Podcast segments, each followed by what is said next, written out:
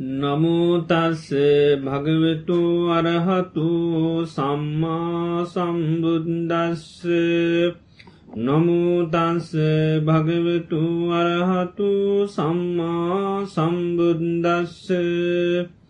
නමුතන්ස භගවතු අරහතු සම්මා සම්බුද්දස්ස. චන්දරාග විනයකායිනු ආවුසෝ සත්තාති.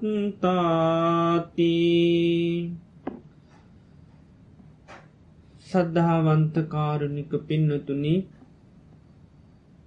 තුන්ලෝකාග්‍ර වූ සාන්තිනායක සම්මා සම්බුදුරජාණන් වහන්සේ දේශනා කරලා තිබෙනවා දම්මං විනානත්ති පිතාච මාතා තමේව තානං සරනම් පතිට්ටිතා තස්මාහි භෝකිච්ච මං්ඥ පහාය සුනාත ධාරේත චරාත දම්මි මේ ලෝකේ ඉපදුණු සත්වයන්ට මේ ධර්මය හර වෙනත් මව්පියං ආදී වෙන පිළිසරණක් පිහිටක් නැහැ කියනවා. සාමාන්‍යයෙන් අපේ ජීවිතයට උපකාර වන පිරිසක් මව්පියන්. එ මව්පියන්ට අපේ ජීවිතය වර්තමානික වසයෙන් යං උපකාරයක් ඒ වගේම යම් ආරස්සාාවක් රැකවරණයක් සලසල දෙනවා. ජීවිතයකට සැබෑ ආරශ්ෂාවක් රැකවරණයක් සලසා දෙන්න පුළුවන් ධර්මයට පමණයි. මව්පියන්ට පුළුවන්කමක් නැහැ අපාය උපදින්ට උරුම වෙච්චි ජීවිතයක් වලක්වන්නට.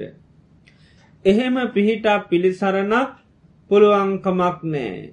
වර්තමානික වසයෙන් ජීවිතය තුළ හටගන්න සෝක පරිදේව දුක්ක දෝ මනස්්‍යයන් වලකාලන්ට පුළුවන්කමකුත් නැහැ.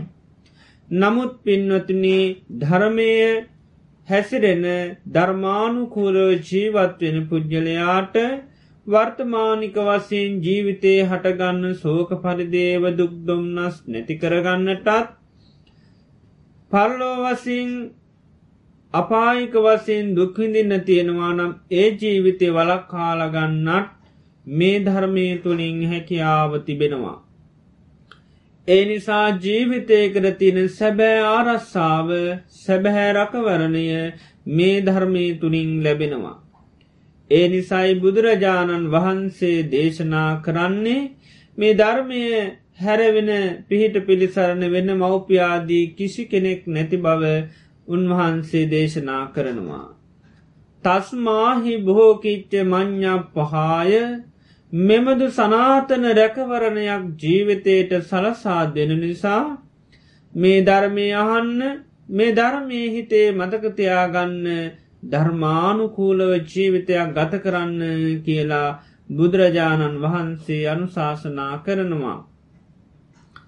එනිසා උපන්නා වූ ජීවිතයකට තියෙන සැබැහැර ආරක්ෂාව සැබැහැරක වරණය සැබැහැ පිළිසරණ මේ ධර්මය බව භාග්‍යවත් බුදුරජාණන් වහන්සේ දේශනා කළ තියෙනවා.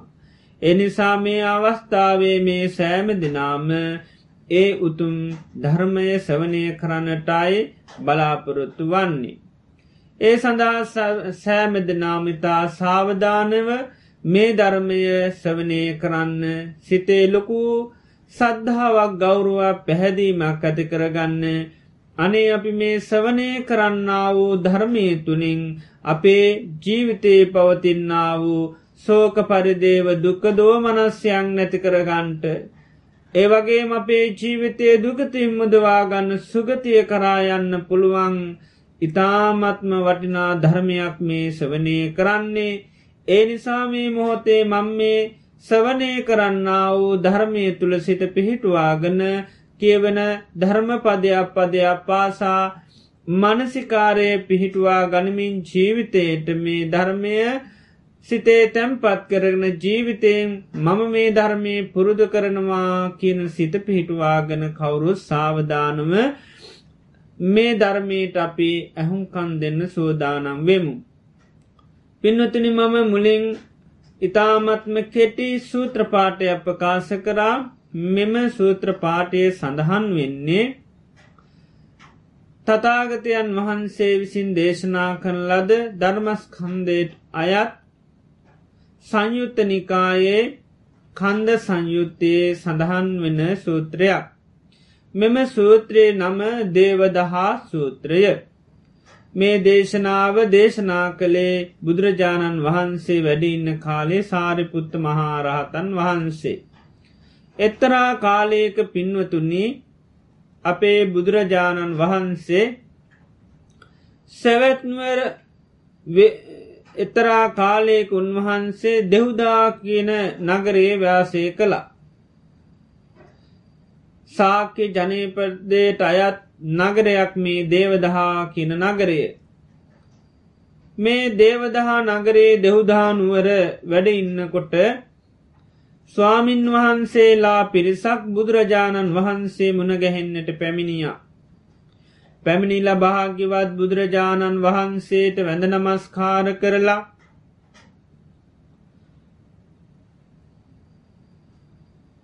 උන්වහන්සේට මතක් කරා ස්වාමීණි භාග්‍යවත් බුදුරජාණන් වහන්ස අපි කැමැති බස්නාහිර පලාතට යන්නට එහි කාලයක් ගත කරන්නටත් අපි බලාපොරොත්තු වෙනවා භාග්‍යතුන් වහන්ස අපට අවසර දෙන්නට කියලා. ඒ වෙලාවේ බුදුරජාණන් වහන්සේ මේ ස්වාමින් වහන්සේලාට ප්‍රකාශ කරනවා මහනෙන මේ කාරණය ගැන සාරිපුත්‍රයන්ටත් මතක් කරලා මේ ගමන පිටත් වෙන්න කියලා. මොකද මේ සාරිපුත්‍ර කියල කියන්නේ මේ සබ්‍රහ්මචාරීන් වහන්සේලාට උතුම් කල්්‍යාන මිත්‍රයෙක්. ඒ නිසා උන්වහන්සේටත් මතක් කරලා වඩින ලෙස බුදුරජාණන් වහන්සේ ස්වාමින් වහන්සේලාට ප්‍රකාශ කරා. අපි දන්වා පින්වතුනි සාරිපුත්ත මහරහතන් වහන්සේ අපේ භාග්‍යවතුන් වහන්සේ හඳුන්වාදී තිබෙන්නේ අම්ම වගේ කියලා සෙයතාපි භික්කවේ ජනෙන්ති ඒවන් සාරිපුත්තෝ මේ ජීවිතයට දරුවම් බිහි කරන මේ ලෝකෙට දරුවම් බිහි කරන අම්ම කෙනෙක් වගේ තමයි සාරිපුත්ත මහරහතන් වහන්සේත් බුද්ධ ශාසනයේ පළවෙනි උපත වැනි මේ සෝතාපත්ති මාර්ගයේ සෝතාපත්ති පලයේ හික්මුවන්නේ පිහිටවන්නේ සාරිපුත්ත මහරහතන් වහන්සේ. ඒ නිසා දරුවන් වදන අම්ම කෙනෙක් වගේ කියල දේශනා කරා සාරිපුත්ත මහරහතන් වහන්සේ. ඒ නිසයි බුදුරජාණන් වහන්සේ මේ අවස්ථාවත් මේ ස්වාමින් වහන්සේලාටත් සාරිපුත්ත මහරාතන් වහන්සේ මුණගැහෙලා වඩින්නට මතක් කරා. තේනිසා මේ ස්වාමින් වහන්සේලා බුදුරජාණන් වහන්සේට වැඳ නමස්කාර කරලා පැදකුණු කරලා සාරිපුත්ත මහරහතන් වහන්සේ ළඟට පැමිණිය. උන්වහන්සේ වෙලාවේ පොඩි වන ලැහැබක වැඩ හිටියේ. ඉතින් සාරිපුත්ත මහරහතන් වහන්සේ සම්මුකයට පැමිණිමේ ස්වාමින් වහන්සේලා කතහා බා කරලා පැත්තකින් වාඩි වෙලා මතක් කරනවා සාරිපුත්‍රයන් වහන්ස අපි කැමති බස්නාහිර පලාතට යන්නෙහි කාලයත් ගත කරන්නටත් අපි කැමැති. අපි බුදුරජාණන් වහන්සේටත් මේ ගැන මතක් කරා බුදුරජාණන් වහන්සේ අවසර දුන්නා. දේවෙලාවේ සාරිපුත්ත මහරහතන් වහන්සේ මේ ස්වාමින් වහන්සේලාට ප්‍රකාශ කරනවා ආයුෂ්මත්වරණි. ඔබ වහන්සේලා ඔය විදිහේ ඉතාමත්ම පිට පලාත්වලට වෙනත් රටවල්වලට වෙනත් දේශ දේශාන්තරවලට වඩිනකොට ඒ පෙදේශවල වාසය කරනවා රජවරු ඒවගේම බ්‍රාහ්මණවරු ඒවගේම ගිහිජීවිතයේ ගත කරන ගෘහපතිවරු ඒවගේම පැවිද්දං වාසය කරනවා සමනයන් වාසය කරනවා. පණ්ඩිතා හාවුසෝ මනුස්සාවී මංසකා ආයුස්මත්වරණි සමහාර මිනිස්සු ඉතාමත්ම බුද්ධිමත් අය වීමංසකාය අය හරියට කරුණු හොයෙනවා. ඒ නිසා වහන්සේලා විදිහේ පිටපලාත්වලට ගියපුහම ඒ පිටපතාත්වල වාසය කරන ඒ රජවරු ඒ බ්‍රාහ්මණවරු ගෘහපතිවරු සමන පණ්ඩිතයන් ඇවිල්ලා ඔබ වහන්සේලාගෙන් පස්නහන්න පුළුවන්. කරුණු විමසන්න පුළුවන්. කිංවාදී පනායස්මන්තානං සත්තා කිමක්කායි ඔබ වහන්සේලාගේ සාතුරුන් වහන්සේගේ වාදය කුමද්ද ධර්මය කුමද්ද කුමද්ද දේශනා කරේ? ආගම ධර්මය කුමද්ද කියන ප්‍රශ්නයයි මේ විමසන්නේ. අද කාලෙ ගත්තොත් ආගම කුමද්ද මොකදද ධර්මය සඳහන් වෙන්නේ? ආගමේ සඳහන් වෙන්නේ කියන ප්‍රශ්නයයි මේ ඉදිරිපත් කරන්නේ. ඉතාමත්ම වැදගත් ප්‍රශ්නයක්. අපිත් පින්වතුනි විවිධාකාර රටවල් වලට යනවා. විවිධ පුද්ජලයන් අපිට සම්මුක වෙනවා. වෙනත් ආගමිකාය අපිට සම්මුක වෙන අපිමුත් අහනවා බුද්ධ ශාසනය කියන්නේ මොකක්ද එහෙම නැත්තම් බුද්ධාගම කියන්නේ මොකක්ද මේ පස්නේ අහනවා බුදු හාමුදුරුව එමනැත්තම් බුදුරජාණන් වහන්සේ මොකක්ද දේශනා කරයකි ලහන්නට පුළුවන්. ඉතිං එමදු අවස්ථාවදී අපිටත් හරීම වැදගත් වෙනවා බුද ශාසනයේ එමනැත්තම් බුදුරජාණන් වහන්සේ මොකද්ද දේශනා කරේ කියන කාරණය. තින් සාරිපුත්ත මහරාතන් වහන්සේ දේශනා කරනව ඇවැත්නී ඒ විදිහේ ප්‍රශ්නයක් අහපුවාම.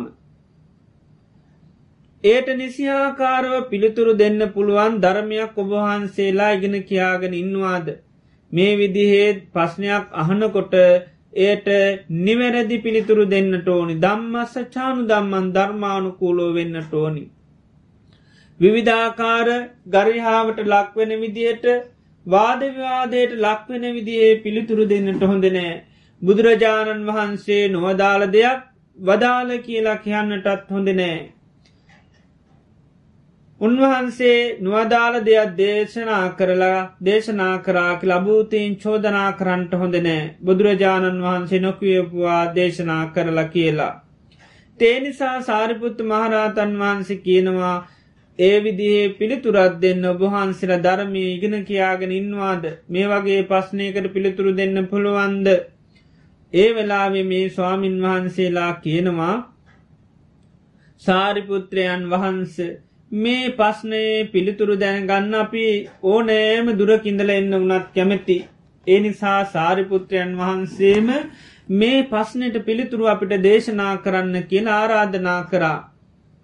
ඒ වෙලාවේ සාරිපුත්තු මහරාතන් වහන්සේ මේ ස්වාමින් වහන්සේලාට පිළිතුරු දේශනා කරනවා ආයුෂ්මත්වරණි ඔබ වහන්සේලයි විදිහේ පිට පලාත්වලට වැඩිහාම ඒ පිට පලාත්වල වාශය කරන එම සස්ත්‍රිය පණ්ඩිතවරු සමන පණ්ඩිතවරු ඒ වගේම බ්‍රාහ්මණ පණ්ඩිතවරු ගෘහපති පණ්ඩිතවරු කරුණු විමසන ඒ බුද්ධිමත් ජනතාව ඇවිල්ලක් ඔබ වහන්සේලාගෙන් අහන්න පුළුවන් කිංවාදීපනායස්මන්තානං සත්තාකිමක් හායි ඔබවහන්සේලාගේ සාතුරුන් වහන්සේගේ ධර්මය කුමද්ද කිංවාදී කුමද්ද දේශනා කරේ ආගම ධර්මය හැටියට කුමද්ද දේශනා කරේ කියන පස්්නය අහන්නට පුළුවන්.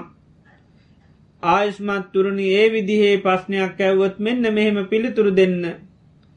චන්දරාග විනයක්කායුණු ආවුසෝ සත්තා ආයුෂ්මත්වරුණි අපේ සාතෘන් වහන්සේ චන්දරාගය දුරුකරන්න කියල ධර්ම දේශනා කරලා තියෙනවා. චන්දය කියන්නේ කැමැත්ත රාගය කියන්නේ ඇල්ම මේ කැමැත්තෙන් අපි ඇලිලා ඉන්නවා මේ ඇලිලා ඉන්නාවෝ මේ චන්දරාගය විනය කියන්නේ දුරු කරන්න අක්කායි කියන්නේ කියන ලදී. චන්දරාගය දුරු කරන්න. එම නැත්තන් තන්නාව ආසාාව ඇල්ම කියන මෙන්න මේ ධර්මයන් දුරු කරන්න කියලා තමයි බුදුරජාණන් වහන්සේ ධර්මදේශනා කරලා තියෙන්නේ කියලා සාරිපුත්ත මහරාතන් වහන්සේ ප්‍රකාශ කරා. ඊළඟට උන්වහන්සේ දේශනා කරනවා ආයුෂ්මත්වරණ මේ විදිහට පිළිතුරු දුන්නාම ඒ කරුණු විමසන බුද්ධිමත් ජනතාව එය කරුණු විමසන නිසායි මත් අහන්නට පුළුවන් කිස්මිම්පන ආයස්මන්තානන් චන්දරාග විනියක්කායුනු සත්තා ආයුෂ්මත්වරණි ඔබ වහන්සේලාගේ ශාස්තෘන් වහන්සේ ඔය චන්දරාගය ඔය ඇල්ම තන්හාාව දුරුකරන්න කියලා දේශනා කර එක්කුම ධර්මයම් පිළිබඳව? කුමන දේවල් පිළිබඳවද ඔය චන්දරාගේ දුරුකරන්න කියල දේශනා කරලා තියෙන්නේ. සාමාන්‍යයෙන් අපි කිව්වොත් යම් කෙනෙකුට කියන ඔය ආසාාව අතහරින්න ඔය ඇල්ම අතහරින්න එතකට කියන අහන්න පුළුවන් මොකේද ආසාවතාරින් ඕනි මොන වගේ දේවල්වල් දොය ආසාවතහරින් ඕනි ආන්නේ වගේ මේ වෙලාවේ ඒ අය අහන්න පුළුවන් මොන වගේ ධර්මතා පිළිබඳවද මොන වගේ කරුණු පිළිබඳවද ඔය චන්දරාගේ දුරු කරන්න කියලා සාතෘූන් වහන්සේ දේශනා කරලා තිබෙන්නේ. ඒ වෙලාවේ සාරිපුත්ත මහාරහතන් වහන්සේ මේ ස්වාමින් වහන්සේලාට ප්‍රකාශ කරනවා එමුදු පස්්නයක් ඇහුවොත් ආයුෂ්මත්වරණි මෙන්න මේ ආකාරයට පිළිතුරු දෙන්න. රූපේකෝ ආවුසෝ චන්දරාගවිනියක් කායුනෝ සත්තා මේ සතර මහා ධාතුන්ගෙන් හටගත් අපේ රූපය තියෙනවා. මේ රූපයේ චන්දරාගේ දුරුකරන්න කියල ධර්ම දේශනා කරලා තියෙනවා. ඒවගේම ස්පර්ශපත්තියෙන් අපිට සැපදුක් උපෙක්කා විඳීම් හටගන්නවා. මේ වේදනා පිළිබඳවත් චන්දරාගේ දුරුකරන්න බුදුරජාණන් වහන්සේ ධර්ම දේශනා කරලා තියෙනවා. ඒ වගේම බුදුරජාණන් වහන්සේ දේශනා කරලා තිබෙනවා මේ ස්පර්ශපත්තියෙන් හඳුනාගන්නවා විවිධාකාර දේවල් මේ හඳුනාගන්න මේ සංඥාව පිළිබඳව චන්දරාගේ දුරුකරන්න කියල දේශනා කරලා තියෙනවා. ඒවගේම ස්පර්ශපත්තියෙන් අපිට චේතනා පහල වන මේ සංස්කාර පිළිබඳවත් චන්දරාගේ දුරුකරන්න බුදුරජාණන් වහන්සේ ධර්ම දේශනා කරලා තියෙනවා. ඒවගේම මේ විඤ්ඥානය පිළිබඳවත් චන්දරාගේ දුරුකරන්න කියරදේශනා කරලා තියෙනවා. රූප වේදනා සංඥා සංකාර විඤ්ඥාන කියන මෙන්න මේ පංචුපාදානස් කන්ද ධර්මයම් පිළිබඳවයි චන්දරාගේ දුරුකරන්න කියලා දේශනා කරලා තියෙන්නේ. මේ පංචුපාදානස් කන්දය කියල කියන්නේ අපි කවුරුත් දන්නවා සංකිච්චේන පංචුපාදානක් කන්දා දුක්කා කෙටියෙන් හකුලවා කියනවා නම් මේ දුක කියල කියන්නේ පංචුපාදානස්කන්දයටයි. එතකොට මේ ආසාාව එල්ම තන්නහාාව එමනැත්තන් චන්දරාගේ දුරුකරන්න කියල තියෙන්නේ කුමකද පන් දුක පිළිබඳව දුකට තියෙන ඇල්ම තන්නහාවයි දුරුකරන්න කියල කියන්නේ. රූපවේදනා සංඥා සංකාර විඤ්ඥාන කියන මේ පංචුපාදානස් කන්ද ධර්මයන් කියන්නේ දුක මෙන්න මේ දුකේ චන්දරාගේ දුරු කරන්න කිය දේශනා කරලා තියෙනවා.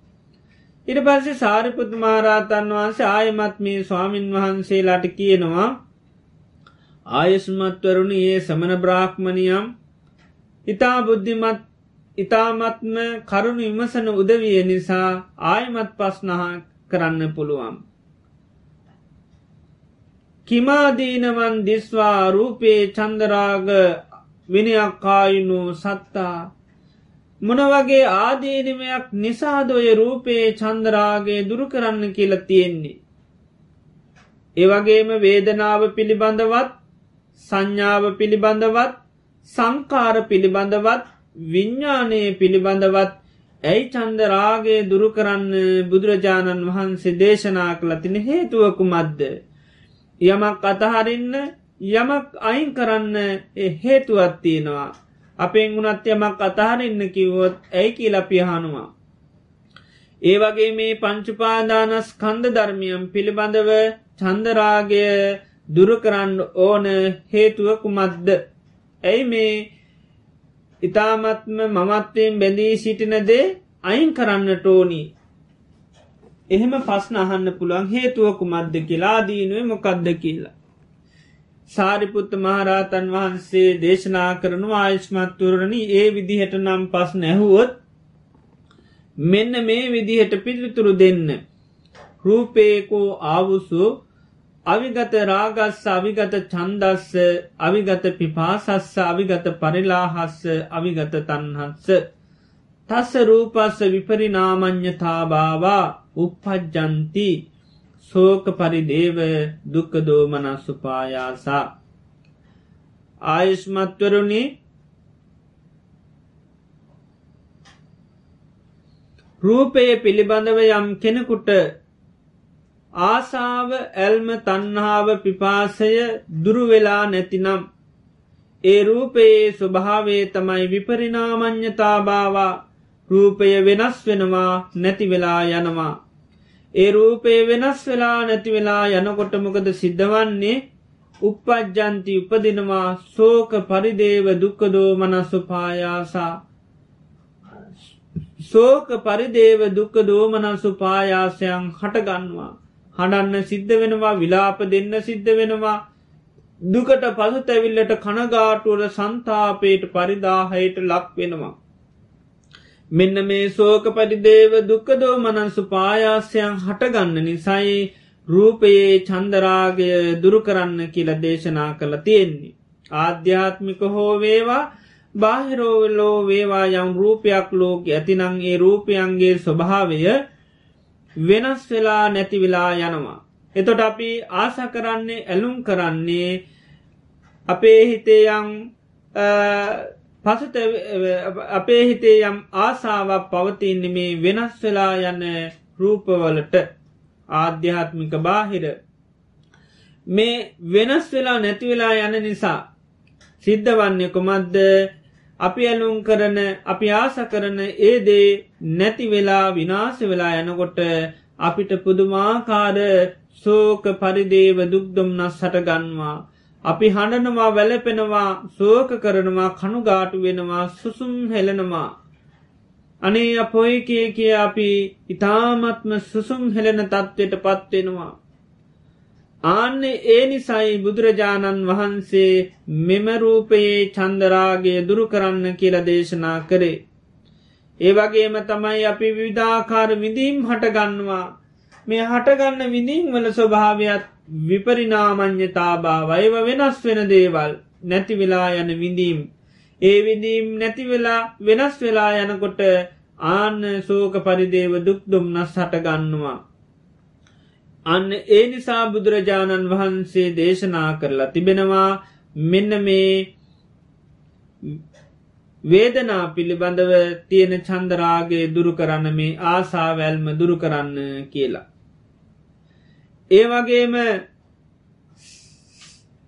හඳුනාගන්න දේවල් පිළිබඳවත් ඒව පිළිබඳවත් ඇල්මෙන් තන්නාවෙන් ආශාවෙන් ඉන්නකොට ඒ හඳුනාගත්ත දේවල් වල ස්වරූපයේ තමයි ඒව වෙනස් වෙනවා ඒව නැති වෙලා යනවා අපි විවිධාකාර විදියට හඳුනාගෙන ඉන්නවා දේවල් අපි දවාදරුව කියලා ගෙවල් දරුවල් යානවාහන කියලා මේ විදිහේ විවිධාකාර දේවල් අපේ ජීවිතයෙන් අපි හඳුනාගෙන තින මේ හඳුනාගන්න දේවල් වල ස්වරූපය වෙනස් වෙනවා. නැතිවෙලා යනව මේ හඳුනාගත්ත දේවල් නැතිවෙලා වෙනස් වෙලා යනකොට සෝක පරිදේව දුක්ක දෝමනන් සුපායාසයන් හටගන්නවා. ඒවගේම සංස්කාර පිළිබඳවත් ආසාවැල්ම තියෙන පුද්ගලයට සංස්කාර ධර්මයන් වෙනස් වෙලා නැතිවෙලා යනකොට සෝක පරිදේව දුක දෝමනන් සුපායාසයන් හටගන්නවා මේ ආදීනුවේ දැකලා සංස්කාර පිළිබඳවත් තියෙන චන්දරාගේ දුරු කරන්න බුදුරජාණන් වහන්සේ ධර්ම දේශනා කරලා තිබෙනවා. විඤ්ඥානය පිළිබඳවත් තන්නාව ආසාාව ඇල්ම පිපාසේ දුරුණක පුද්ගලයාට ඒ විඤ්ඥානය ස්වරූපය තමයි වෙනස් වෙලා නැති වෙලා යනවා විඤ්ඥානයේ නැති වෙලා වෙනස් වෙලා ගියපුවාම ඒ පිළිබඳව ආශාවෙන් ඉන්න පුද්ගලයට සෝක පරිදේව දුක්ක දෝමනන් සුපායාසයන් හටගන්නවා. මෙන්න මේ විදිහට පංචුපාදානස් කන්ද ධර්මයම් පිළිබඳව ආසාාවෙන් ඇල්මින් තන්හාාවෙන් පිපාශයෙන් ඉන්න පුද්ගලයට පංචුපාදානස්කන්ද ධර්මියන්ගේ ස්වභාවේ වෙනස් වෙලා යන නිසා නැතිවෙලා යන නිසා සෝක පරිදේව දුම්නස්සු දුකදෝ මනන් සුපායාසයන් හටගන්නවා. මේ ලෝක අපි ආසා කරන ඇලුම් කරන අපි කැමැති හැමදේකම ස්වරූපය වෙනස් වෙලා නැති නැති වෙලා යන දේවල්. අන්නේ අපි ආස කරන ඇලුම් කරන දේ අහිමි වෙලා නැති වෙලා යනකොට අපිට සෝක පරිදේව දුක්කදෝ මනස්සු පායාසයන් හටගන්නවා. මෙන්න මේ ආදීනවය සලකලා මේ ආදීනුව දැක්ක නිසයි බුදුරජාණන් වහන්සේ මෙන්න මේ පංචුපාදානස්කන්දේ චන්දරාගේ දුරු කරන්න ධර්ම දේශනා කරලා තිබෙනවා. ආයම සාරිපුත්ත මහරහතන් වහන්සේ ප්‍රකාශ කරනවා ආයිස්මතුන මේ ආකාරයට පිළිතුරු දුන්නත් ආයමත් කරුණු විමසන බුද්ධිමත් ජනතාව ආයමත් අහන්නට පුළුවන්. කිමානි සංසන්දිස්වා රූපේ චන්දරාග විනිියක්කායිනෝ සත්තා රූපයේ චන්දරාගේ දුරුකිරීමෙන් ලැබෙන පලය ආනිසංසය කුමද්ද කියලහන්නට පුළුවන්. මන ආනිසංසයක්ද මන පලවිපාකයක්ද ඔය රූපයේ චන්දරාගේ දුරුකරාම ලැබෙන්නේ. වේදනාව සංඥාව සංකාර විඤ්ඥාන කියන පංචුපාදානස් කන්ද ධර්මයම් පිළිබඳවම ආසාව තන්නාව ඇල්ම දුරුකර ගැනීමෙන් ඇතිවෙන පලප්‍රෝජනය කුමද්ද කියලා අහන්නට පුළුවන්. තින් සාරිපුත්ත මහරහතන් වහන්සේ දේශනා කරනවා ඒ ආකාරයට ඇහුවත් ආයුස්මත් වරුණි මෙන්න මේ විදිහට පිළිතුරු දෙන්නට රූපේකෝ ආවුසෝ විගත රාගස්ස විගත පිපාසස්ස විගත පරිලාහස්ස මේ රූපය පිළිබඳව යම් කෙනෙකුට ආසාාවක් ඇල්මත් තන්නහාවක් පිපාශයක් නැත්තම් එමදු පුද්ගලයට ඒ රූපය වෙනස් වනාය නැතිවුණාය කියලා සෝක පරිදේව දුක්දෝමන සුපායාසයන් හටගන්න නෑ. රූපය පිළිබඳව යමකුට ආසාාවක් ඇල්මත් තන්නහාවක් නැතිනම් ආධ්‍යාත්මික බාහිර වේවා ඒ රූපය එරූප වෙනස් වනාය නැතිවුණාය කියලා යාට සෝක පරිදේව දුක්දොම්න්නස් හටගන්න නෑ. මොකදේ රූපේ පිළිබඳව ඇල්මත් අන්නාවක් නැති නිසා. වේදනා සංඥා සංකාර විඤ්ඥාන කියන මේ පංචුපාදානස් කන්ද ධර්මයම් පිළිබඳවම ආසාාව ඇල්ම තන්නාව දුරුකරපු පුද්ගලයාට ඒව වෙනස් වනාය නැතිවුණාය කියලා එයාට සෝක පරිදේව දුක් දුම්න්නස් හටගන්නේ. මෙන්න මේ ආනිසන්සේ සලකලයි මේ රූපවේදනා සංඥා සංකාර පිළිබඳුවතියන ආසාවැල්ම තන්නහාව පිපාශය දුරුකරන්න කියලා බුදුරජාණන් වහන්සේ දේශනා කරලා තියෙන්නේ. ඊළඟට සාරිපුත්ත මහරාතන් වහන්සේ දේශනා කරනවා අකුසලේචකෝ ආවුසෝප සම්පජ්‍ය විහරතු මේ අකුසල්වලට පැමිණවාසය කිරීම තුළ දිට්ටේචේව දම්මේ මේ ජීවිතේදීම සුකෝ විහාරෝ සැපසේ ජීවත්වෙන්ට ලැබෙනවානං දුක්කරදර පීඩා කරදර මුකුත් හටගන්නේ නැත්තම්. මරණින්මත්තේ සුගතියේ තුපදිනවනම් අකුසල් ප්‍රහාණය කරන්න කියලා දේශනා කරන්නේ නෑ කියනවා. අකුසල් සිද්ධ කිරීම තුළ මෙලව සැප පරලව සැප ලැබෙනවනම් දුක්ගම්න්නස් කනගාට පසු තැවිලි හටගන්නේත් නැතිනම් අකුසල් ප්‍රහාණය කරන්න කියලා කියන්නේ නැහැ කියනවා. නමුත් සාරිපුත්ත මහරහතන් වහන්සේ දේශනා කරනවා ඇවැත්නි නමුත් මේ අකුසල්වලට පැමිණවාසේ කිරීම තුළ සිදවන්නේ මේ ජීවිතයේදීම දුකසේ ජීවත්වෙන්න සිද්ධෙනවා. විවිධාකාර සෝක පරිදේව දුක් දම්නස් කරදර හටගන්නවා. මරනිම්මත්‍ය අපායෙත් යනවා. ආනේ නිසයි බුදුරජාණන් වහන්සේ අකුසල් ප්‍රහාණය කරන්න කියල දේශනා කරලා තියෙන්නේ. ඒ වගේම ආයුෂ්මත්වරණ මේ කුසල ධර්මයන් තිබෙනවා.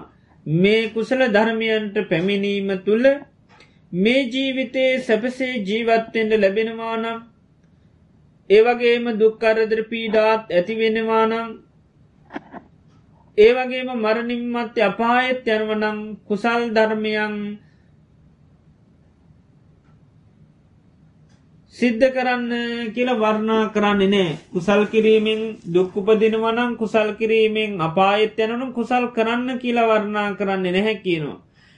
නමුත් උන්වහන්සේ දේශනා කරනවා ඇවැත්නි කුසල් කිරීම තුළ මෙලව වසයෙන් සැපසේ ජීවත්වෙන්න පුළුවන් දුක්කරදර පීඩා ඇති වන්නේත් නැහැ. මරණින් මත්තේ සුගති ලෝකයේ තුපදින්නට පුළුවන්. ඒ නිසයි බුදුරජාණන් වහන්සේ කුසල ධර්මයන් සිද්ධ කරන්න කියලා ධර්ම දේශනා කරලා තියෙන්නේ කියල මේ බුද්ධ ශාසනයේ කුමද්ද කියන එක පෙන්නවා. සාරිපුත්ත මහරහතන් වහන්සේ මුලින්ම පෙන්වේ මේ පංචුපාද තන්නහාාව දුරු කරන්නේ තන්නාව දුරු කළ යුත්තේ මේ දුක පිළිබඳව ඒවගේ මුන් වහන්සේ ඊළඟට දේශනා කරා කුසල් සිද්ධ කරන්නත් අකුසල් ප්‍රහාණය කරන්නත් බුදුරජාණන් වහන්සේ ධර්මය හැටියට දේශනා කල්ලා තියෙනවා කියලා. ඉති මේ සූත්‍රයෙන් ඉතාමත්ම වටිනා විදිහට කෙටියෙන්ම බුදුරජාණන් වහන්සේ කුමද්ද දේශනා කරේ කියනකොට අන්න චන්දරාගේ දුරු කරන්න කියල තමයි උන්වහන්සේ දේශනා කරලා තියෙන්නේ. අප තුළ චන්දරාගේ මේ පංචුපාදානස් කන්ද ධර්ම පිළිබඳවත් ඒ වගේම මේ අකුසල් පිළිබඳවත් තියෙනවා. ආන්නේ චන්දරාගේ දුරු කරන්න කියල දේශනා කරලා තියෙන්නේ. ති මේ පිළිබඳව තවත් ඉතාමත්ම පැහැදිලි ලෙස දේශනාවත් තියෙනවා භද්‍රක ගාමිනී කියල සූත්‍රයක.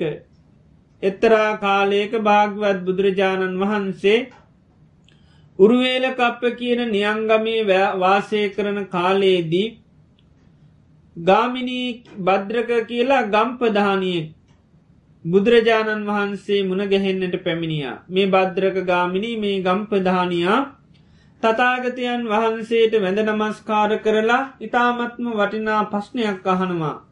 භාග්‍යවතුන් වහන්ස මම කැමැතිීමේ දුක ඒවගේම දුක හටගන්නේ කොහොමද කියල දැනගන්නට. ඒ නිසාම භාග්‍යතුන් වහන්සේ මට මේ දුක හටගන්නේ කොහොමද කියන එක දේශනා කරන්න කියලාරාධනා කරා.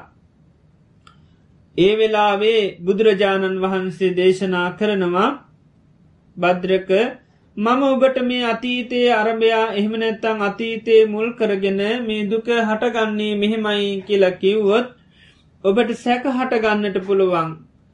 ඔබට විමතියක් ඇතිවෙන්නට පුළුවන් මොකද හේතුව තමයි ඔබ අතීතයේ හිටියද නැද්ද කියලා දන්නේ නැති නිසා. ඒ වගේ මනාගතයේ මේ විදිහටයි දුක හටගන්නේ කියලා අනාගතය අරමුණු කරගෙන දේශනා කරත් ඒත් සැක උපදින්න පුළුවන් මොකද අනාගතය උපදීද නැද්ද කියලා හරියටම දන්නේ නැති නිසා. ඒ ඒ නිසා ඔබට මේ මොහොතේ මේ අවත්තාවේ මෙහෙමයි දුක හටගන්නේ කියන කාරණයමාපක දේශනා කරන්නන් කියලා උන්වහන්සේ ඔහුට කියනවා බද්‍රක මම පස්්නයක් අහනවා ඔබට තේරෙන විදිහටට පිළිතුරු සපයන්න කියලා.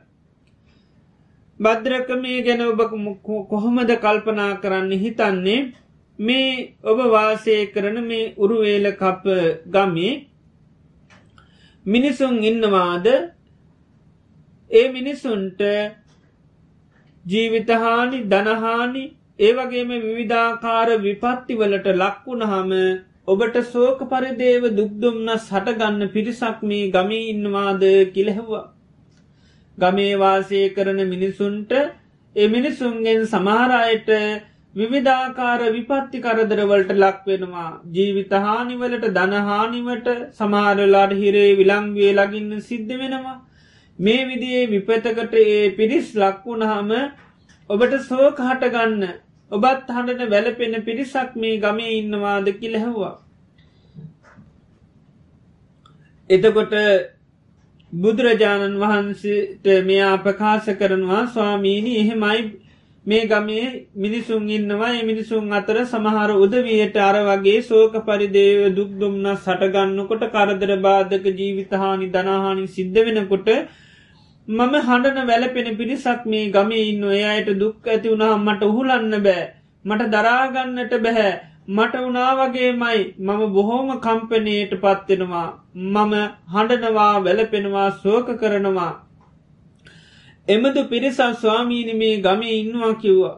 ඒවගේම බුදුරජාණන් වහන්සේ හනවා අර වගේම විවිධාකාර විපත්තිවලට ලක්වුණහම ඔබට සෝක පරිදේව ඔබ හඬන නොල වැලපෙනි නැති ඔබට කනගාටුවක් ඇති නොවෙන පිරිසකුත් ඉන්නවාද කිලෙහවා.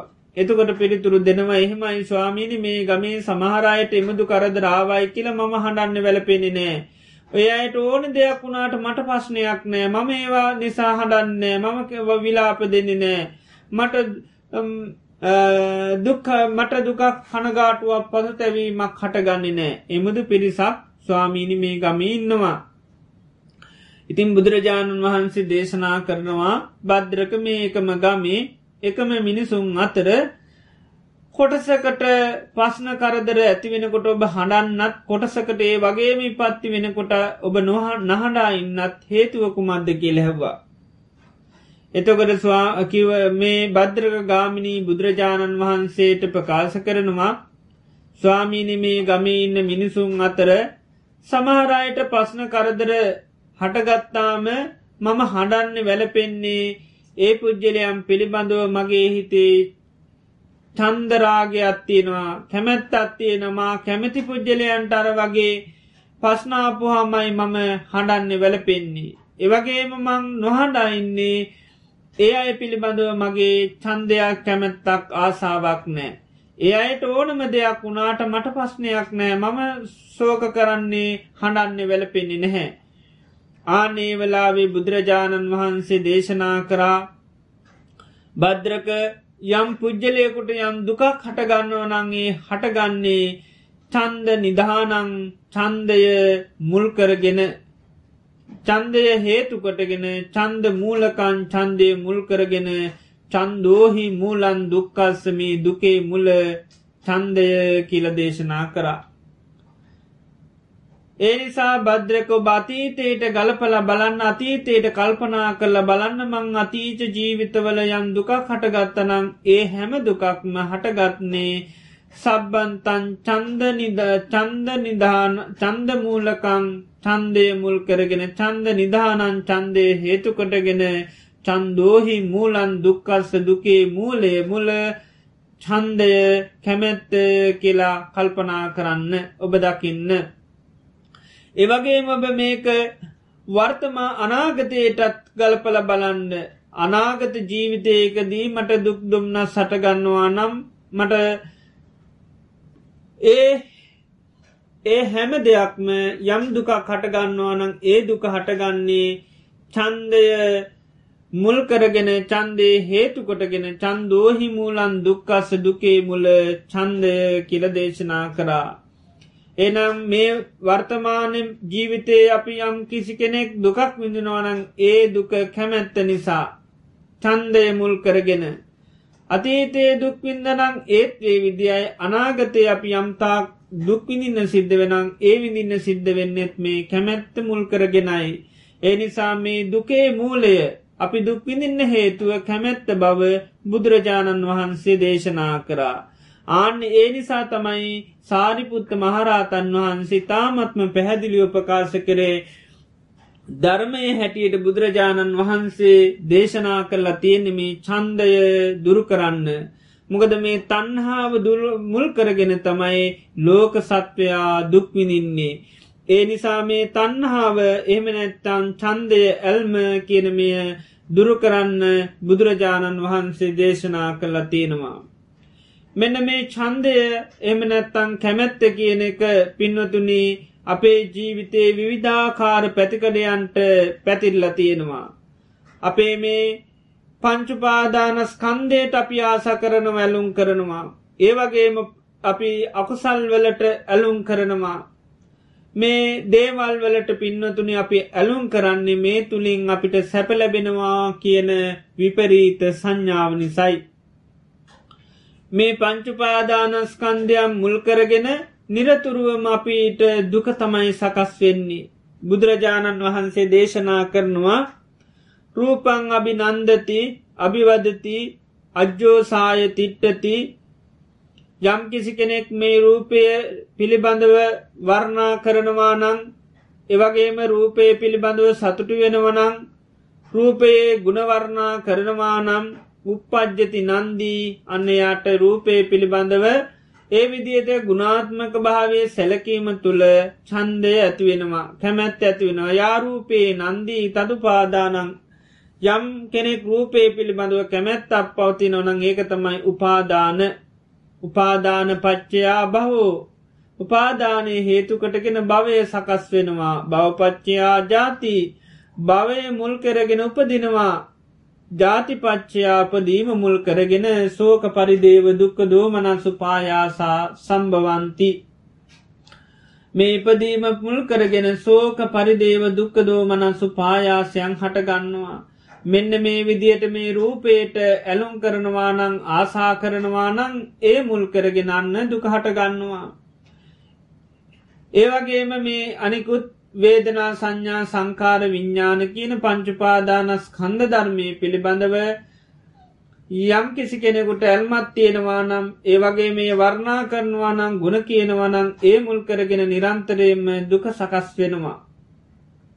ඒ නිසා මේ පංචුපාදානස් කන්දේ පිළිබඳව තියෙන මේ චන්දරාගේ දුරු කරන්න බුදුරජාණන් වහන්සේ දේශනා කරා. තේ සඳහා මේ පංචුපාදානස් කන්ද පිළිබඳව අපිට ආදීනව සලකන්නට ඕනි ආදීනව සැලකීමෙන් තමයි අපිට පුළුවන්කම ලැබෙන්නේ මේ චන්දරාගය දුරු කරන්නට. ඒවගේම පින්වතන මේ ආසාාව කියන එක විවිධ පැතිකඩයන් කරා ගිහිල්ල තියෙන්නේ. විවිධ දේවලට අපි ආස කරනවා. දැන් අකුසල් ගත්තහම අකුසල් වලටත් අපේ හිතේ පුදුමාකාර කැමැත්තත් තියෙනවා. අකුසල් වලින් දුකහදල දුන්නට අපිට සංසාරයේ පුරාවට මකුසල් සුක සංඥාව හැටියට තියෙන්නේ. අකුසල් පිළිබඳව සැප හැඟීම තියෙන්නේ හේතුව තමයි ලෝක සත්‍යයාම අකුසල් පිළි අරගෙන තියෙන්නේ සැප ලබා දෙන දේවල් හැටියටයි. ඒ නිසා තමයි පින්වතින මේ ලෝකයේ පුරහාම මේ ලෝක සත්‍යයාම අකුසල් සිද්ධ කරන්නේ. හොඳට අපේ ජීවිත දිහා සලකළ බලන්න අපේ චිත්ත සන්තාන තුළ සමහර වෙලාට විවිධාකාර දේවල් හටගන්නවා.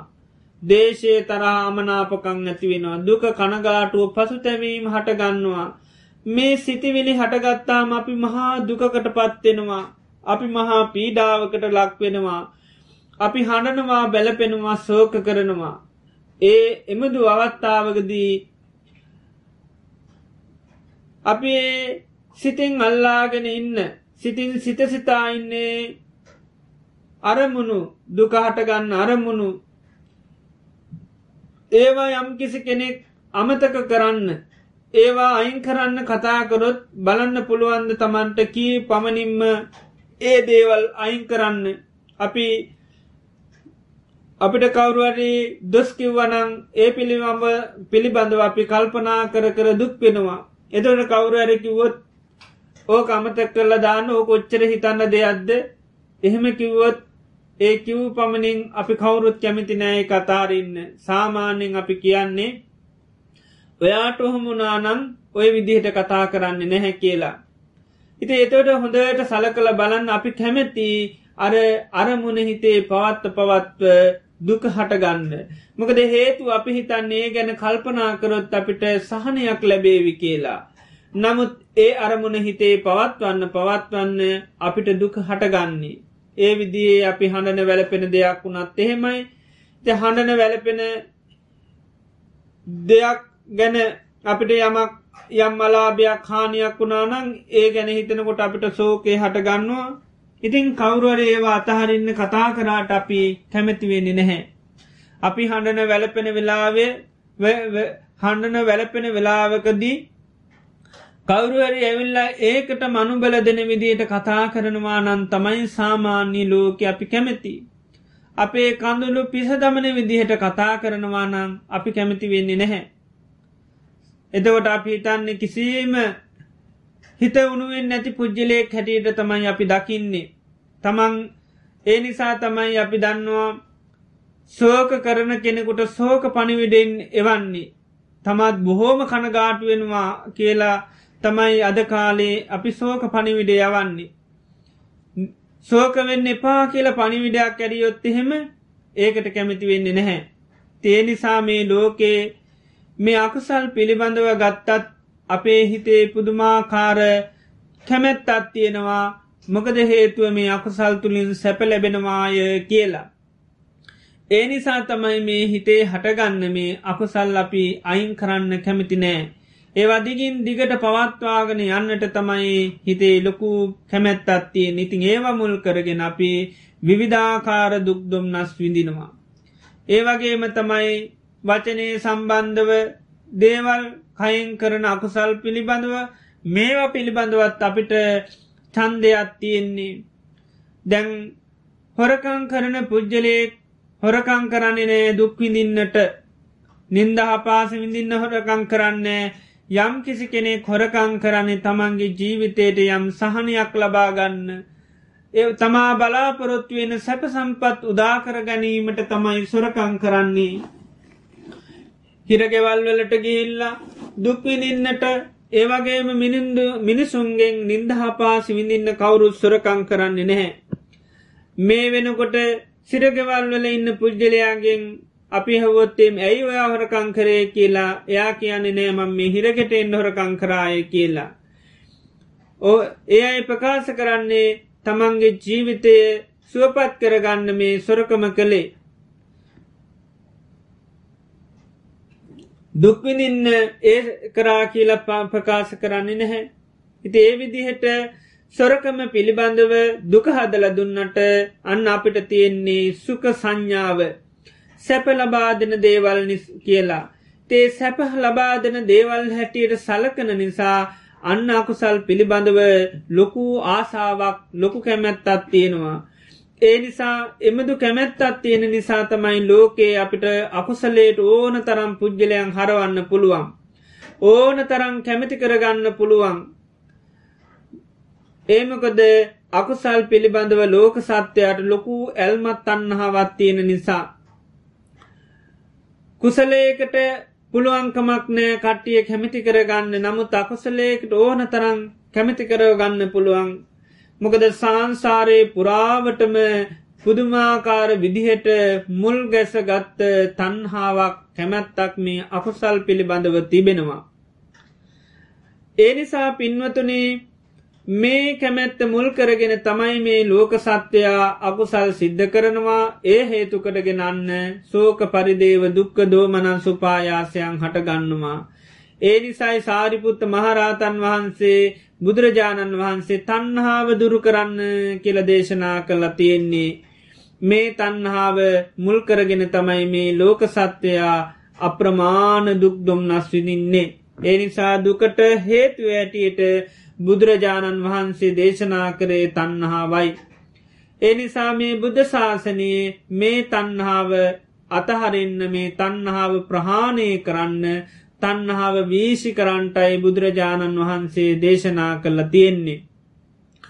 අපි කරන සෑම දෙකින්ම බලාපොරොත්තුය යුත්තේ මේ තන්නා වාසා වැල්ම දුරු කරන්නයි.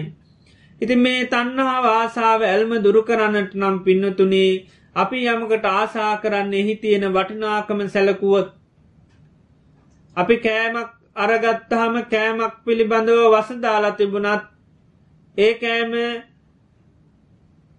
තියෙන රස සුවඳ ගැන සිහිකරොත් අපිට තේරෙන්නේ නෑ එක තියෙන දරුණුකම. ආනේ වගේ පින්නතුනි අපි සංසාරයේ පුරාවා පුරාවටම මේ පංචපාදානස්කන්දයෙන් සුසැදි මේ ජීවිතය බාහිර දේවල් මේ හැම දෙයක් පිළිබඳව අපි ආස්වාද වසයෙන් දැක්ක නිසයි අද ඒවට අපි කැමැති.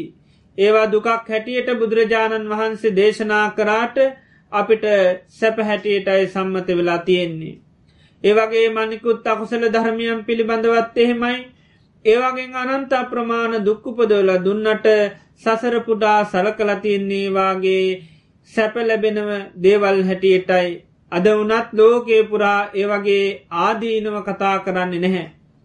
ඒවගේ ආස්වාදය තමයි කතා කරන්නේ ඒ නිසා ලෝකයාට ආස්වාදය ඇහෙන් ඇහෙන්න තව තවත් බලගතු ලෙස මේ ආසාාව ඇල්ම චන්දය කියන එක හිත්වල වැඩෙනවා. ඒ නිසා අපට තියෙන්නේ පින්නතුනේ මේ සුළු අකුසල්වල ඉඳලා මේ පංචුපාදානස් කන්දේ දක්වාම ආදීනුව සලකන්න. එයාදීනුව සැලකීමෙන් අන්න චන්දය දුරුකරන්න පුළුවන් කැමැත්ත දුරුකරන්න පුළුවන් රාගේ දුරුකරන්න පුළුවන්. යමක් පිළිබඳ වාදීනුව සලකන්න සලකන්න අපිට එපා වෙනවා. ඒකෙ තියෙන භයානකකම අනතුරුත්තා අනතුරු ස්වභාවය අපිට තමන්ටම දැනගන්න දැකගන්න හැකියාව තියෙනවා. ඉත ඒ නිසා මේ පොඩි අකුසල්වල ඉඳලා මේ පංචුපාදානස් කන්දේ දක්වා හුරු කරගන්න නිතරම ආදීනව සලකන්න. අපි ධර්මස්වනය කරනව අවත්තාවලදි හොඳට බලන්න හැම අකුසල් ගත්තොත් නිතර මේ වගේ ආදීනුව කියන්නේ මේ ප්‍රාණගාත හොරකංවල ආදී මේ හැම දෙයක් පිළිබඳව නිතර්ම ආදීනුව කතා කරනවා. තේ කියන ආදීනු අපි නිතරම නුවනින් විමසනවනං අන්න අපිට අර අකුසල්වල තියෙන ආසාාව දුරු වෙලා යනවා. අපිට සාමාන්‍යයෙන් ගත්තහම පොඩිකාලින්දල අපිට මේ හොරකම් පිළිබඳව හරියට ආදීන වහන්ඩ ලැබෙනවා. පොඩිකාල ඉඳල අපි ආදීනුව සලකනවා. එනිසා අපිට බොහෝසෙයිම මේ හොරකමින් වැලකින්නට හැකියාව ලැබිලති නොහොරකම අපට අතහරින්න පුළුවන්කම ලැබෙනවා ලැබිලතියෙනවා. කෝටි ගණන් ධනයක් තිබුණන් නොගෙන ඉන්න තරමට අපේ හිත සත්තිමත් වෙලා තියෙනවා. ඉතින් යම්කිසි කෙනෙක් අපට හොරකම පිළිබඳව කොච්චර වර්ණා කරත් අපේ හිතේ කැමැත්තක් හට නොගෙන ඉන්න හැකියාවත් තියෙනවා. ඒක අපිට ලැබිල තියෙන්නේ අර හොරකම පිළිබඳව අපි දැඩි ආදීනව දකින නිසයි. දැන් අපි ඒ විදිහට හොරකමේ ආදීනුව සැලකුවට හැමෝට මේ හැකියාව නැහැ. සමාරයට හොරකං කරන දෙයක් දැක් පමණින්ම හිතේ ලොකු ආසාාවක් හටගන්න ඒ ගන්න. ඉතිඒ ඒ අකුසල් සිද්ධ කරන්නගේ පාමන්නේ අයි දුක් පිඳිනවා. ඉති අපි හොරකම ඇතහැරපු නිසා අපිට ඒ නිසා හටගන්න දුක් නෑ ඒකට තමයි බුදුරජාන් වහන්සේ කැන තදංග පරිනිබ්බුත එකරුණෙන් නිවිච්චි පුද්ජලයම් බවට පත්වෙනවා. යමකාදීනුව සලකලා ඒ දේ ඇතැරියොත් ආනේ මුල් කරගෙන නිවිච්චි පුද්ජලය බවට පත්වෙනවා. යම් දේක තියෙන තන්නහාව දුරුකරානම් අන්න එයා නිවිච්චි පුද්ජලය බවට පත්වෙනවා සීලුදේම තන්නාව දුරුකරානං එය ආනේ අයට තමයි නිවනට පත්වෙච්චි නිවිච්චි පුද්ජලයන් හැටියට දේශනා කරලා තියෙන්නේ. පරිනිබ්බුත කියන්නේ එකයි කෙලෙස්වරෙන් නිවිච්චි අය. මේ තන්නා ආදී මේ චන්දය මුල් කරගෙන මේවා නිසා තමයි මේ ලෝක සත්‍යයා දුක්කි දෙන්නේ ඒ තන්නාව නිවල දැම්මනං නැති කල දැම්මන්නන්න නිවිච්චි පුද්ජලයන් හැටියට සඳහන් වෙනවා. එනිසාපේ ජීවිතයේ නිරන්තරයෙන් අපි හුරු කර යුත්තේ පුහුණු කළ යුත්තේ මේ ආදීනුව නිතරම සලකන්න ආදීනුව සලකනකොට පුළුවන්කම ලැබෙනවා මේ කැමැත්ත කියන එක නැති කර ගන්නට. එනිසා මේ සඳහාපේ සෑම උත්සාහයක් වීරයක්ම පවත්වන්නට ඕනිතිම් අද දිනේදී මේ පින්නතුන් ඉතාම සන්තෝෂයට පත්වෙන්න ටෝනි මේ බුද්ධ ශාසනය කුමද්ද කියන එක මේ පින්නතුන්ට මේ වෙලාවේ කෙටියෙන් දැනගන්න ලැබුණා තතාගතයන් වහන්සේ මේ චන්දරාගය එහෙම නැත්තන් තන්නාවාසාාව දුරු කරන්න තමයි ධර්මදේශනා කරලා තියෙන්නේ. ඒක තමයි බුද්ධ ශාසනය කියල කියන්නේ. ඒ ආසාාවතැන්ම ජීවිතය පිළිබඳවත් අකුසල් පිළිබඳවත් දුරු කරන්න තමයි බුදුරජාණන් වහන්සේ දේශනා කළ තියන්නේ. ජීවිතයට අකුසල්වලට ඇලුම් කරනවා නං ඒ මුල් කරගෙන ලෝක සත්‍යයාට දුක්පිනින්න සිද්ධ වෙන නිසා. තේනිසා බුද්ධ ශාසනය කුමද්ද කියන එක කෙටියෙන්ම ඉතාමත්ම සරල ඕනම කෙනෙකුට කියල දෙන්න පුළුවන් ආකාරයට ඉගෙන ගන්න ලැබුණා. තේනිසා මේ වෙලාවේ තාම සන්තෝෂයට පත්වෙන්නට ඕන. ඒ විදිේ ජීවිතේ සුවපත් කරගන්න ජීවිතේ තියෙන සෝක පරිදේව දුක්දවන්නස් නැති කරගන්න පුළුවන් ඉතාමත්ම වටිනා ධර්මයක් අපිට සවනය කරන්න ලැබුණා කියලා සන්තෝෂයට පත්වෙන්න ටෝනි.